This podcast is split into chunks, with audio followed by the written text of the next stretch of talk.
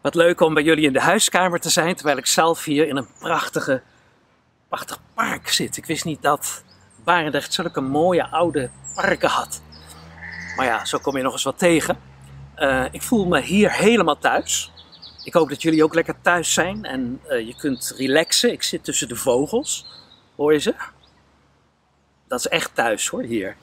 Uh, maar jullie ook. En ik wil het eigenlijk over dat thuisgevoel hebben deze ochtend. Of middag of avond, wanneer je kijkt. Maar ik wil eerst even iets vertellen over weer een nieuw boekje. Ja, ik ben Willem de Vink. Wij zijn Willem en Marianne de Vink. En wij zijn boekjesmakers, hè? je weet het.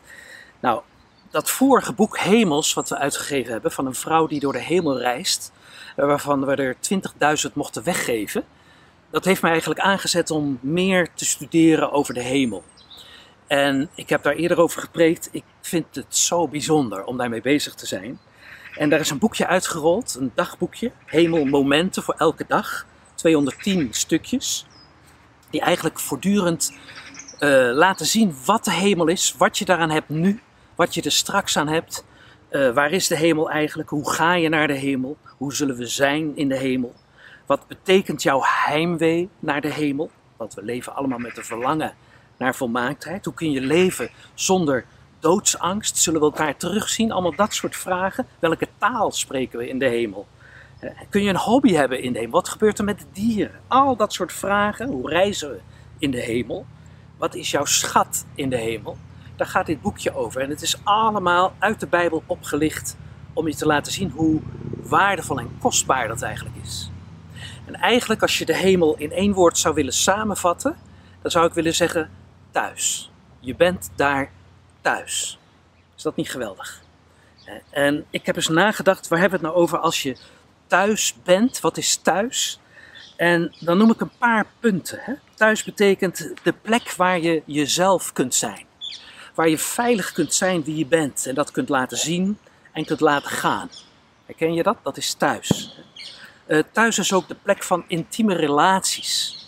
Waarin je er gewoon helemaal mag zijn en waarin je aan elkaar gegeven bent hè? en beschikbaar bent voor elkaar. Ook dat is thuis zijn. Uh, thuis is een plaats van een goede atmosfeer. Als je jezelf kunt zijn, als je er samen kunt zijn, dan is dat ook omdat er een goede atmosfeer is van vrede en van vreugde. Mensen die thuis zijn, die hebben een soort humor die echt bij thuis hoort. Ken je dat? Als er dan vreemden binnenkomen, dan denken ze waar gaat dit over? Hè? Maar dan hangt er een goede sfeer. Ik ken dat zelf erg goed. Bij ons thuis was er geen goede sfeer.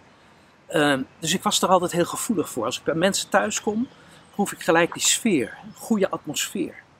En wat ik ook leuk vind van thuis, dat is je hebt toonzetters thuis. Je hebt mensen die thuis maken tot thuis, die dat beïnvloeden. En dan kom je eigenlijk ook bij Gods thuis terecht, want God is degene die de toon zet over hoe we thuis kunnen zijn. En dat thuis, dat is straks in de hemel. Daar kan ik een heleboel over zeggen, maar ik wil het nu vooral hebben over het thuis zijn bij God in je eigen leven. En uh, misschien moet je gewoon eens even teruggaan nog als je het hebt over thuis naar vakantie. Marjan en ik waren op vakantie omdat we 40 jaar getrouwd waren met al onze kinderen en kleinkinderen. Heerlijk, hartstikke leuk, heel erg thuis, buiten. Maar dan kom je weer in je eigen huis en dan heb je zoiets van, lekker thuis. Ons eigen licht, onze eigen geuren, uh, de dingen die je gewoon kan pakken, dus met je ogen dicht. En dan je eigen bed. Heerlijk is dat, herken je dat? ja, dat is thuis, hè?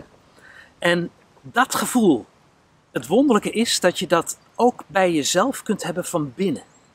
Dat je thuis bent omdat je bij God bent. Ik heb ontdekt dat veel mensen niet thuis zijn bij zichzelf. Dat ze op de een of andere manier ongemakkelijk zijn bij zichzelf, ook nooit in de rust willen komen bij zichzelf, niet gewoon een tijdje alleen kunnen zijn en dan alles gaan aanzetten om maar afleiding te hebben. Druk, druk, druk, om maar niet aan zichzelf te hoeven denken. Ben je thuis bij jezelf? Ben je thuis bij God? Dat zijn eigenlijk dingen, vragen die we ons afvragen deze, uh, dit moment met elkaar en waar we de Bijbel op gaan naslaan. En dan is de eerste vraag, waar ben je thuis? En ik sla met je open Romeinen 5. Waar ben je thuis? En uh, dan staat er uh, in 5 vers 5, dat er een hoop is die niet zal worden beschaamd. Ik hoop het dat ik thuis ben. Ik geloof dat ik thuis mag zijn. Bij God straks en nu al omdat hij in mijn leven is. Die hoop zal niet worden beschaamd omdat Gods liefde in ons hart is uitgestort. Als je thuis bent, als je thuis kunt zijn, bij jezelf, bij God, bij anderen, als je jezelf kunt zijn, als je je op je gemak kunt voelen, als je zelf een toonzetter wordt, is dat omdat je weet hoe geliefd je bent. En Paulus zegt hier, we hebben een hoop gekregen, een verwachting, dat we echt op ons gemak mogen zijn, omdat er iets goeds voor ons ligt, omdat nu al Gods liefde in ons aanwezig is. We zijn thuis bij God. En dat kun je ook ervaren door thuis te zijn bij jezelf. Dat je het gevoel hebt van ik mag er gewoon zijn, want ik ben zo geliefd. Er is liefde in mijn hart uitgestort. En hoe dichtbij kun je komen bij jezelf als het gaat om je hart? Dat is het dichtste waar je kunt zijn. Daar kun je thuis zijn, omdat je weet hoe geliefd je bent. Van binnen zit dat, dat thuis zijn, dat thuisgevoel. En als we dat dan in een groter verband lezen, Romeinen 5, vers 1 tot 5, dan lezen we dat we geweldig welkom zijn bij God. Dus dat eigenlijk ja, de deur wijd open staat. Dat er een huis is waar we thuis kunnen zijn. En dat zit in ons hart. We kunnen naar binnen gaan en daar thuis komen. Laten we eens lezen. Wij zijn dus als rechtvaardigen aangenomen op grond van ons geloof. En we leven in vrede met God door onze Heer Jezus Christus. Hier staat, je bent welkom, je bent aangenomen. Er is vrede, dus je kan binnenkomen, je kunt thuis komen. Vrede hebben met God, dankzij Jezus. Je zonden zijn je vergeven. Er is niets waaraan je afgemeten wordt. Je bent hartstikke welkom. Je hoeft aan niets te voldoen. Je mag er gewoon zijn zoals je bent. En dan gaat het verder. Dankzij Hem hebben we door het geloof, hè, omdat we geloven dat Jezus ons klaargemaakt heeft, ons rechtgezet heeft om er te mogen zijn voor God, hè, gerechtvaardigd. Door dat geloof hebben we toegang gekregen tot Gods genade. Daar gaat het over een deur. Ben je thuis? Ben je welkom? Ja, er is een deur die open gaat. Jezus is de deur, dankzij Hem. Ben je welkom? We hebben toegang gekregen tot Gods genade. En dat is de kern waar we het over hebben als je het hebt over thuis zijn. Je thuis voelen bij jezelf, je thuis voelen onder mensen, je thuis voelen in je eigen huis, op vakantie en waar je ook bent. Hè? We hebben toegang gekregen tot Gods genade die ons fundament is.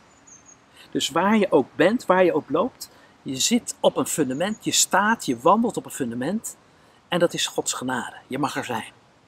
Het grappige is, dat zit in je hart. Dat zit van binnen. En daarmee kun je thuis zijn bij jezelf. Je hoeft je niet meer af te vragen wie ben ik. Ik ben Gods geliefde kind. De struggle met jezelf is klaar omdat je thuis bent bij God. En die is ons fundament. Dat is ons fundament, die genade. En in de hoop te mogen delen in zijn luister, prijzen we onszelf gelukkig. Dus je wandelt die deur door van Jezus. Je wandelt die kamer binnen, dat huis binnen, dat fundament wat gelegd is, waarop dat huis gebouwd is, waarop je je thuis voelt, van genade. En wat ervaar je, wat verwacht je, wat hoop je, waar ben je mee bezig, waar ben je op uit? Om te delen in de vreugde van Jezus die alles klaargemaakt heeft. Dat je er mag zijn voor Jezus, Hij is je grote broer en je mag op Hem lijken. In de hoop te mogen delen in de heerlijkheid, de luister, de glorie van Jezus, zeg ik, ik ben gelukkig. Ik ben thuis. Dat is het evangelie, hè? Dat is het evangelie. En dat niet alleen gaat hij dan verder. We prijzen ons zelfs gelukkig. Je kunt zelfs tegen jezelf zeggen: Ik ben thuis, ik ben gelukkig.